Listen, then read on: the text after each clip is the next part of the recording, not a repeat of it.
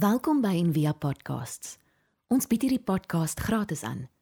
Om 'n bydrae te maak, besoek gerus ons webblad en via.org.za vir meer inligting.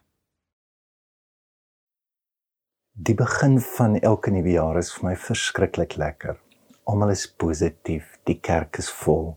Ons begin nuwe eetprogramme en oefenprogramme. En hier diep binnekant ons is daar 'n innerlike verklikker wat vir jou sê, daar kan 'n beter weergawe van jouself wees. En is dalk die geskenk wat die nuwe bring. En ek dink dis kom God hierdie skepping so gemaak het. Daar's altyd die seisoene laat ons verstaan maar daar's die geboorte van 'n nuwe. En ek dink elke keer is soos geboorte met 'n kind ook bring 'n diep verandering en diep begeertes ons weet nie is altyd wat dit is behalwe dat ek wil anders wees. En die probleem met dit wat ons almal weet is dat ons pogings om by hierdie weergawe uit te kom is nie so maklik nie. So Genesis 32 vertel die storie van iemand wat dit probeer doen en ek dink hy moes elke jaar gevoel het hierdie jaar moet ek regmaak. So sy storie is baie hartseer. So hy word groot met 'n neurotiese ma, Rebecca Sy manipuleer hom, sy oorbeskerm hom, sy sorg dat hy 'n mamma's boy word en hy het 'n pa wat nie van hom hou nie. En ons onthou nou die storie, hy steel die eersgeboorte reg. Maar dan word hy uiters uiters suksesvol. So hoe probeer hy kom by 'n nuwe weergawe? En kyk, hier is die ding as jy ouer word, dan kry jy meer insig. Ek dink hy dalk geklik. Hoorie my ma was nee, was nie so reg nie hoor. En dalk is hierdie ding wat ek gedoen het nie goed nie. So baie goed wat ons doen in ons lewe deur deur 'n diep nadenke kom daar 'n behoefte baie keer om reg te maak of om anders te wees. En hy hy hy wil. Maar hoe hoe kom hy daarby uit? Hy wil nou wys maar hy is nie meer daai persoon. So hy kry 'n nuwe weergawe van homself. Hy stuur kamele, skape, bokke, donkies. Hy baie geld. Hy doen probeer dit met geld regmaak lees sy storie met God. Hy hy word godsdienstig. Hy praat met God. Hy, hy probeer met godsdiens dit regmaak. Hy probeer dit met ek ek ek was verkeerd. Hy probeer dit met vergifnis doen. Maar dan werk dit nie en dan eendag verander alles. En is die gedig wat Carmen vir ons gelees het van Sheila Cousins vasvat. God vat hom vas, 'n engel, 'n man kom. En sy hele lewe, hierdie jare en jare en jare en jare se probeer verander in een reuse sagte sprong in die lewe wat hy begeer. En hy's so ongeraak mee. Hy staan daar op, hy kyk so na die plek. Hy sê ek noem hierdie plek Peniel. Dit beteken die aangesig van God. En hy sê in vers 30 ek het God in die gesig gekyk. So die vraag is hoe doen jy dit? Is dit nou fisies nie? Ek dink nie so nie. So op 'n dag staar 'n dogtertjie in sy teken en haar ma kom by haar en sê hoorie wat teken sy sê teken vir God. Sy sê jy kan dit nie doen nie. Niemand weet hoe God lyk nie. Sy sê vir haar ma wag tot ek klaar is en wys ek vir jou. so ons kan lewe soos die ma uh nee ons weet nie maar die probleem met dit is as jy nie lewe met 'n definitiewe oortuigde beeld van God gaan jy 'n plaasvervanger kry soos die millennials vandag ek lees hierdie week dat 11% van hulle glo in 'n akkedus planeetstelsel en hierdie aarde word regeer deur eintlik deur akkedusse wat in mense is. En dan bespreek hulle nou soos die Trump akkedus en die Boris Johnson akkedus. Ek dink dit is van te veel gaming. Maar wat 'n skok. Jy weet dat dat dit 'n oortuiging is. Jy weet so die die afwesigheid van 'n beeld van God bring 'n aardige teenwoordigheid van van 'n afgod in ons lewe. So dalk sy dogtertjie reg, nê. Nee. Want Jesus se hele lewe se missie is dit. Johannes uh, eh, 17:3 en dit is die ewige lewe dat jy hom kan ken wat my gestuur het. Om uit oortuigings te lewe van wie God is. En in Jakob se geval omdat jy hom gesien het. So kom ek sê net drie dinge hieroor. In die eerste plek ons word waarna ons kyk. Hoekom lyk Stellenbosch mense so Stellenbossers? Hoekom lyk put sonder water mense soos put sonder water? En hierdie is nie 'n oordeel of iets nie.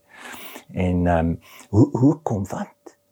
Op 'n manier is ons kultuur 'n spieël en ons word soos dit. Hulle sê mos 'n eienaar lyk soos sy hond of die hond lyk na die eienaar. Dan sê hulle maar later word die eienaar hy begin te lyk na die hond. Dit is 'n goeie idee om vir jou 'n mooi hondjie te kry.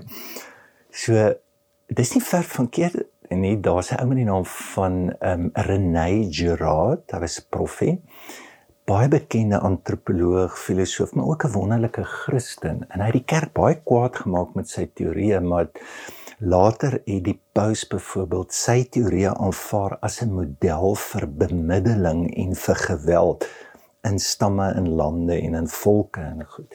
So hy het 'n teorie wat hy noem ons lewe moet 'n mimetiese begeerte. Dit beteken ons mimiek begeertes. So in my ouma sou net sê sy teorie is monkey see, monkey do.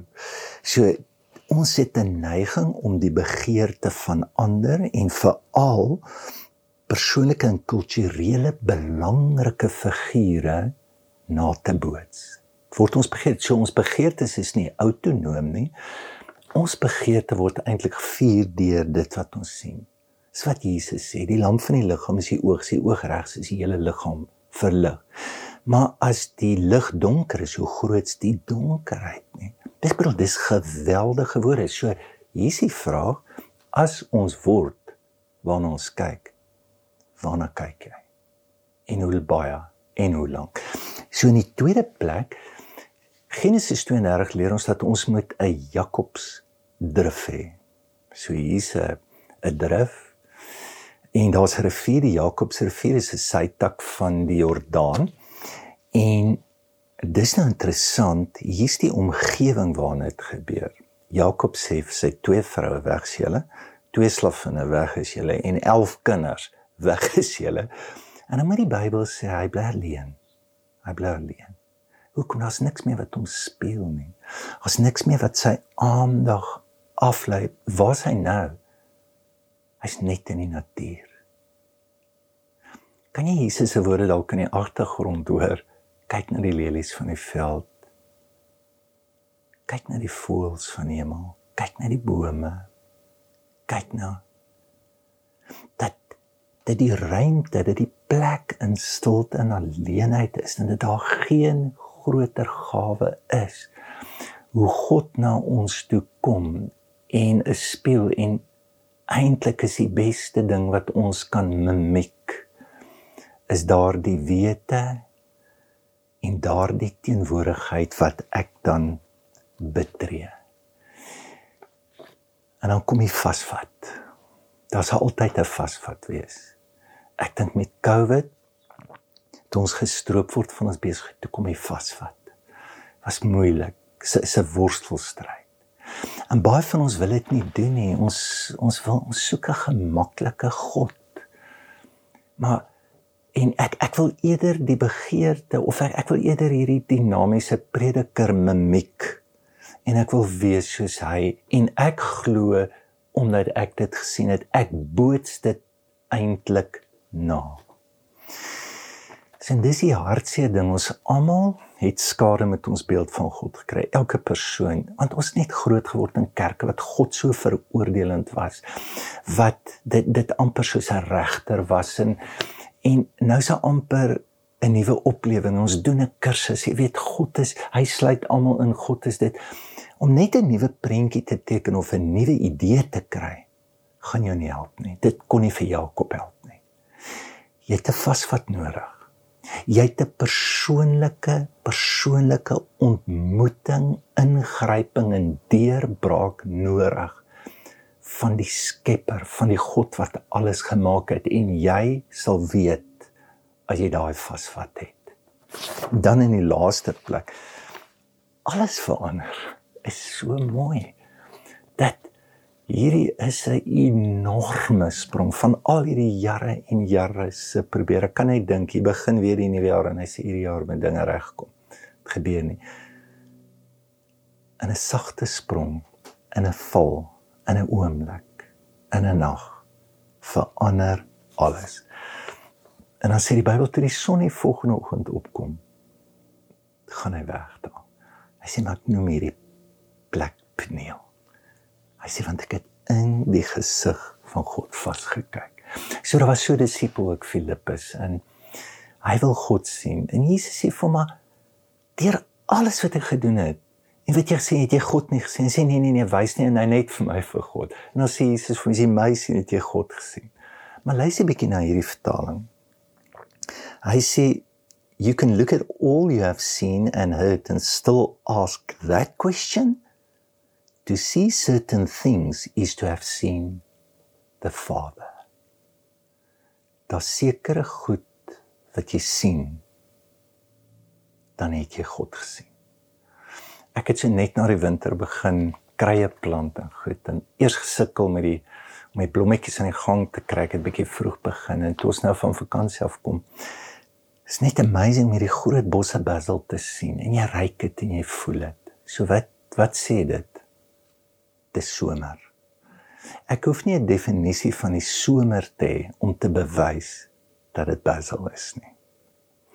Mag jy hierdie jaar ervaar hoe God jou vat na 'n jaboksdrif toe.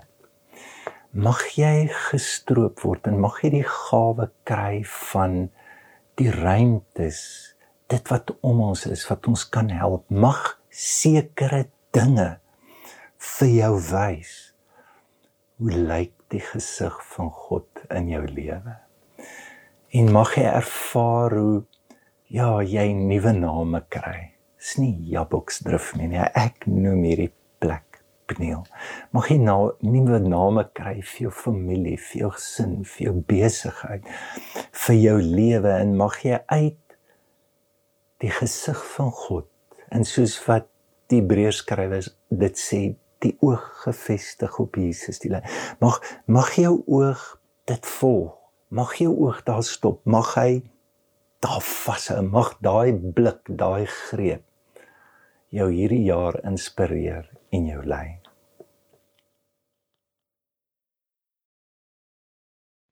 Ons hoop van harte jy het hierdie podcast geniet of raadsaam gevind. Besoek gerus en via.ok.za vir meer inligting.